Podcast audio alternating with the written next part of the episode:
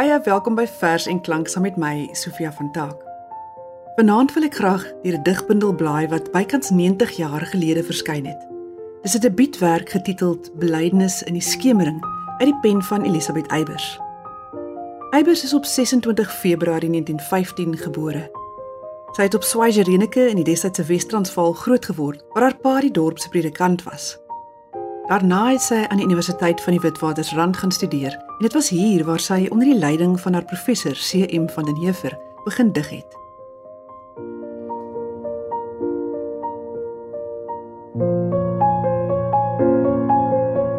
Belydenis in die skemering verskyn in die jaar 1936 by Tafelberg Uitgewers. Met hierdie bundel word Elisabeth Eybers op 'n baie jong 21 jarige leeftyd die eerste vrou wat 'n digbundel in Afrikaans publiseer. Oor die volgende 70 jaar sal sy nog sowat 20 oorspronklike bundels voltooi.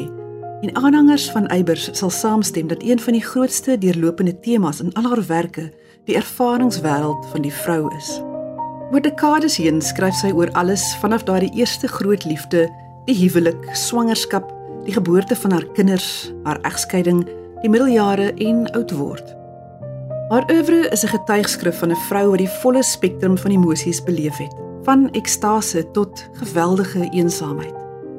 En al het sy met groot hartstogtelikheid gedig, was dit altyd met 'n ekonomiese dog meesterlike aanwending van woorde. Soos wat sy self in haar bundel Dryfsand in 1985 uitgegee skryf, wat my potlood planmatig en spaarsaam rangskik, lyk partykeer so stroef dat ek self daarvoor skrik. En tog bly ek wars van die skuimende vloed en sal eerder in terugsluk as uitstort verstik. Maar hierdie eerste bundel van haar belydenis in die skemering is so 'n bietjie anders. Sy het dit immers geskryf in 'n lewensfase waar mense gevoelens tog so maklik nog die oorhand kry. Jy lees so baie in elke situasie in en die laaste ervaring moet deurgrond word.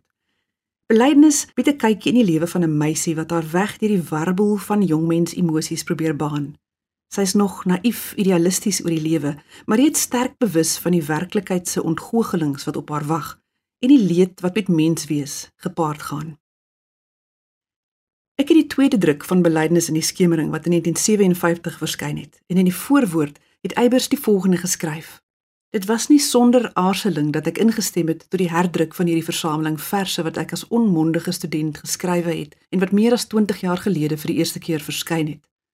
'n Aantal van die gedigte het gewildheid verwerf by Afrikaanse poësiekenners.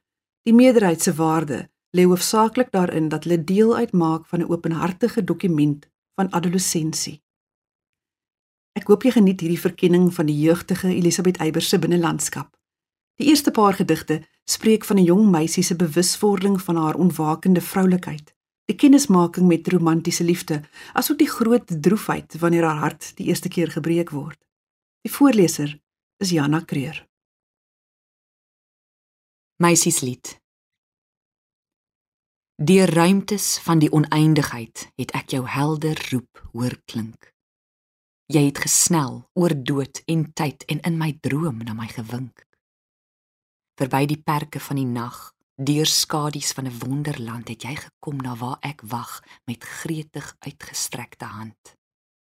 Dit dreun en om jou vlam die lug, die aarde sidder voor jou voet en wankel. Waarheen sal ons vlug nou dat ons eindelik het ontmoet?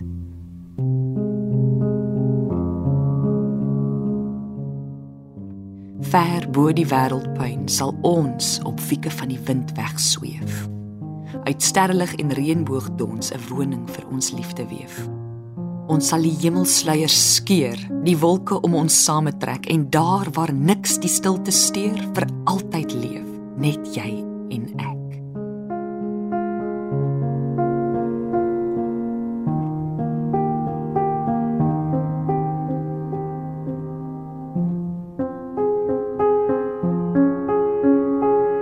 Die lenteroos.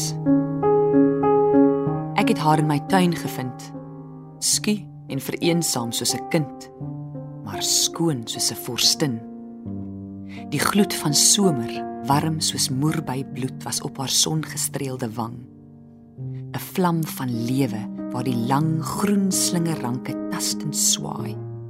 'n wind stoot in die lug belaai met geur van heuning en anys en vlugge herinnerings laat hy reis van lente drif wat altyd weer met ongestilde kwelling keer.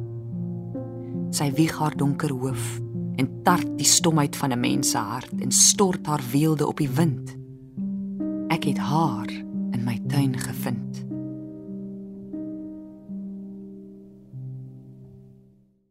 Eerste liefde. Ons liefde het gesterf met die oggendstond en ons het haar begrawe, bleek en stom. Teer lentegras en geurende voorjaarsgrond bedek haar sonder smik van kraans of blom. Onthou jy haar? Sy was so tingerig fyn, met vingers slank en lig. Haar stem was sag en haar blou wonderoë vreemd en rein.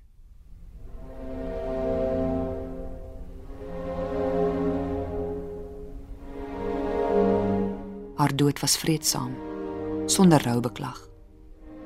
Ek mag nie om haar ween, haar stil vertrek was beter as 'n kwynende bestaan.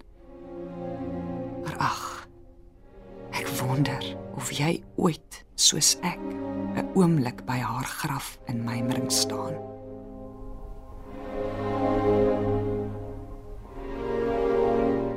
Winter. Geen huilende stormwind of swiepende vlaag.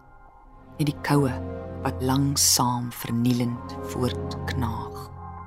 In die dorrende boomloof skei een vir een steel hom sag van sy tak sodat blaar na blaar soos 'n vlokkie kopergevlekte geel na benede dryf.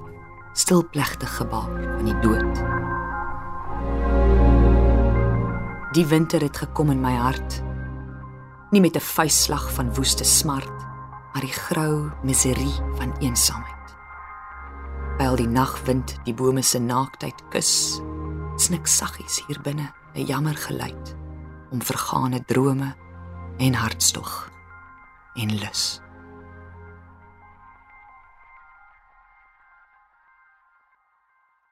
Volmaan. 'n Nagkriek wat die stilte skril in reguit reepies kerf. My lyf wat rusteloos worstel met verlange wat nie sterf. 'n jakkals op die vlakte wat sy onheilsboodskap huil en vlokkies lig wat skugter tussen donker blare skuil. Bo die verlate aarde glim die maan se melkwit skyf wat eensaam ver in kalm onverskilligheid voortdryf.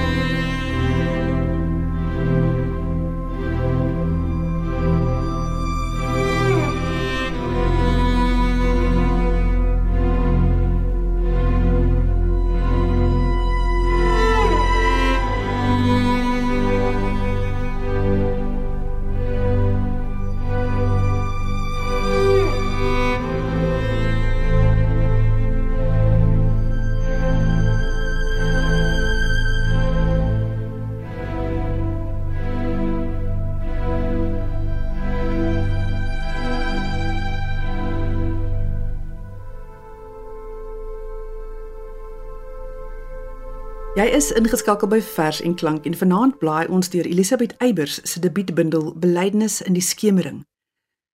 Die versameling het verskyn toe Eybers maar net 21 jaar oud was. Terloops, die bundel is tesame met haar daarop volgende een getiteld Die Stil Avontuur met die Hertzogprys bekroon. Dit was die eerste keer ooit dat dit aan 'n vrou toegekend is. Eybers het die Hertzogprys later in 1971 vir 'n tweede keer ontvang vir haar bundel Onderdak. Maar vanaand luister ons uitsluitlik na gedigte uit haar debuut, voorgeles deur Jana Kreur. In belydenis in die skemering is daar 'n neerslagtigheid te bespeur wat maar gewoonlik gepaard gaan met 'n jong mens se ewige introspeksie. Op daardie ouderdom is jy nog so al ewig op soek na die dieper betekenis van dinge. Maar wat presies dit kan wees, die bly jou ontwyk. Die ster Ek staan vanaand alleen onder die hemelboog. Daar ver skyn 'n ondeende ster wat glinsterend flikker oog. Ou sterretjie daarbo, jy blink so bibberend flou, so rein en onbeduidend klein in die eindloos wye blou. En tog vertel al my, dis seker en gewis dat een fyn sterretjie alleen 'n hele wêreld is. O wêreld, groter as die omvang van my gees, Verklaar my. As dit werklik waar is, wat sou ek dan wees?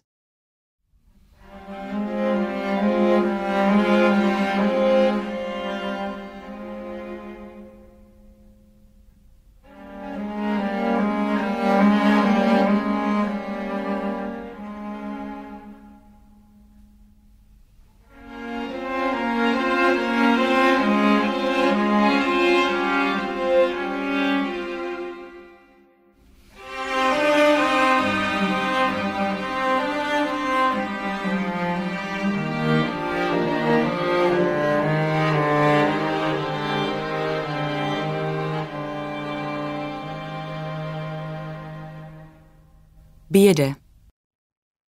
O vreemde en verre lewe, verlos my uit my drome veiligheid. Laat my nie meer in trotse eensaamheid bokant jou swewe, selfgenoegsaam koel, maar laat my arm en naak en dors jou siel aanskou en bors teen bors die stuwing van jou warm bloedstroom voel. O stoere en strenge lewe, Jou vel gelaat is strak en onbewoe die dieptes van jou vademlose oë as hande bewe en in die donker tas. O laat my vreesloos verder gaan totdat ek eendag sal verstaan deur die onthulling van jou doel verras.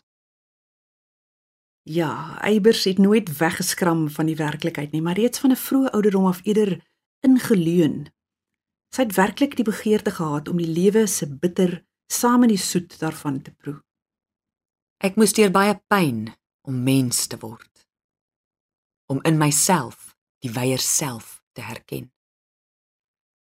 My diere nardes self was uitgestort eer ek die ryker erfenis kon wen, waarna die eenling siel wanhoopig stry of wat hy trots versmaai. Eers toe my gees net daar was om my liggaamspyn te ly, het ek geleer om mens, om vrou te wees een uit die effe menigte. Blydskap, so sterk en rustig soos 'n groot stil man, het oor die drempel van my hart gestap en daar geen hoë waan of bitter wens gevind. Ek het my opeens ontdek. Voortaan nie meer God dank. Half God, half gek, maar mens. Die volgende twee verse het Eybers waarskynlik geskryf terwyl sy besoek aan haar ouerhuis, die pastorie op Schweizerenike. Ek het gesoek, gehunker na die beste, langs ongekende weë rondgeswerf. Ek het gevind die vrede van die weste toe die vermoeide dag in glorie sterf. Die wolke vlam en bo die bulte draal oranje en groen. 'n bond Koran roep Jesus. Ek het vergeet wat agter lê. Die faal, siek eensaamheid van mens alleen te wees. Die stilte stryk die grassaadgolwe glad en vul die wye wêreld. Die aandglans kwyn in effe ongesteurde blou totdat die eerste ligprik deur die skemer skyn. En helder teen die parelbleek lig wag swart garingbome roerloos op die nag.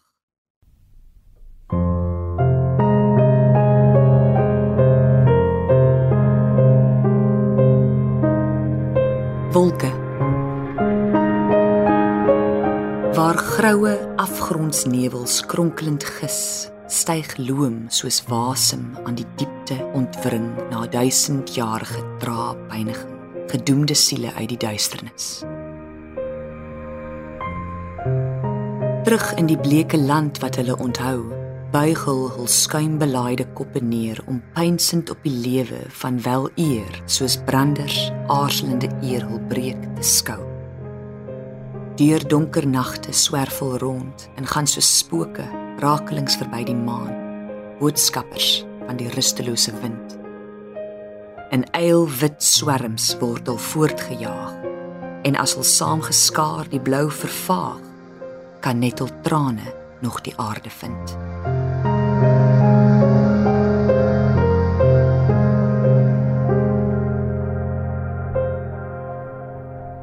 Die gedig wat Jana volgende vir ons voorlees, is van belang omdat Eybers hier reeds verwys na haar afswering van godsdiens en die pyn wat sy ervaar omdat hierdie breuk ook 'n afstand tussen haar en haar predikantpa teweeggebring het. Dit word 'n terugkerende motief in latere bundels. Terug. Ek lê hier op die sofa en droom terwyl die donker langsaam om my saam vergaar. Eerbiedig sluip die aand na binne asof die boekrakmure 'n oergeheim bewaar. Dan voel ek huiwerend hoe fantome ontwaak wat vraend na die vreemde indringer staar. Roerloos sit vader voor die lesenaar. Die lamplig kring omsluier misties val sy kalm hoof en pynsende gelaat. Ek hoor 'n innig teer herinneringstaal, se stil weemoedige verwyd. Hoe ver het ek van hierdie wêreld afgedwaal. Interessant genoeg dig sy wel oor Bybelfigure, nie om geloofsredes nie, maar dalk eerder omdat sy as vrou met hulle assosieer. Die vers genaamd Toe het my hoop vertel die verhaal van Markus 5 waar Jesus 'n vrou met bloedvloeiing genees. Toe het my hoop opeens weer uitgestraal. Ek weet nie of dit lydingswysheid was die waansin van begeerte of die verhaal van wonders wat die hele streek verras wat snel by my die blye wete wek. Daar moet 'n einde wees aan smaad en pyn. Ek sal my hand net na sy kleed uitstrek en in die straatsgedrang weer stil verdwyn. Hoe kon ek weet dat hy dit sou bemerk? Was dit God se stem? 'n Mens se stem wat vra: "Wie het my geraak?" toe ek voor hom lê en beef genees. O hierdie liggaam het weer sterk geword om al die soete onrus te dra van een gelaat wat altyd voor my sweef. Die opperman was van die opinie dat Eyber se beste gedigte 'n suiwerheid, 'n eenvoud en 'n menslikheid het wat jou hoogste waardering afdwing. En die kenmerke van haar skryfwerk was duidelik reeds in belydenis in die skemering aand ontluik. En uit hierdie debietbundel kom ook een van haar mees ikoniese verse waaroor Opperman gesê het dit staan onaangetas as een van die groot gedigte in Afrikaans. Vir Jessie Kannemeyer was die gedig ook die hoogtepunt van die hele bundel. Hy het dit beskryf as een van die groot gedigte van die 30er jare en van die Afrikaanse letterkunde as geheel. Hy het dit ook 'n klein wonderwerk in daardie stadium van Eyber se digkuns genoem. En dit is inderdaad so, veral as jy in ag neem dat sy maar 18 jaar oud was toe sy hierdie vers geskryf het. Ek vra nou vir Jana om vanaand se program met hierdie gedig af te sluit. Ek hoop dat jy hierdie deurblaai van een van ons beroemdste digters se eerste werk geniet het. Ons maak een van die dae weer so. Tot volgende week. Maria 'n Engel het dit self gebring, die vreugde boodskap en jy het 'n lofsang tot God se eer gesing, Maria, nooi uit Nasaret. Maar toe Josef van jou wou skei en bure agterdog jou pla, het jy kon dink eenmal sou hy die hele wêreld skande dra? Toe jy soms met 'n glimlag langs jou liggaam stryk, die stilte instaar. Wis jy met hoeveel liefde en angs sou hy sy hellevaart aanvaar? Die nag daar in die stal, geen een om in jou nood by jou te staan. Het jy geweet dat hy alleen Getsemane sou binnegaan?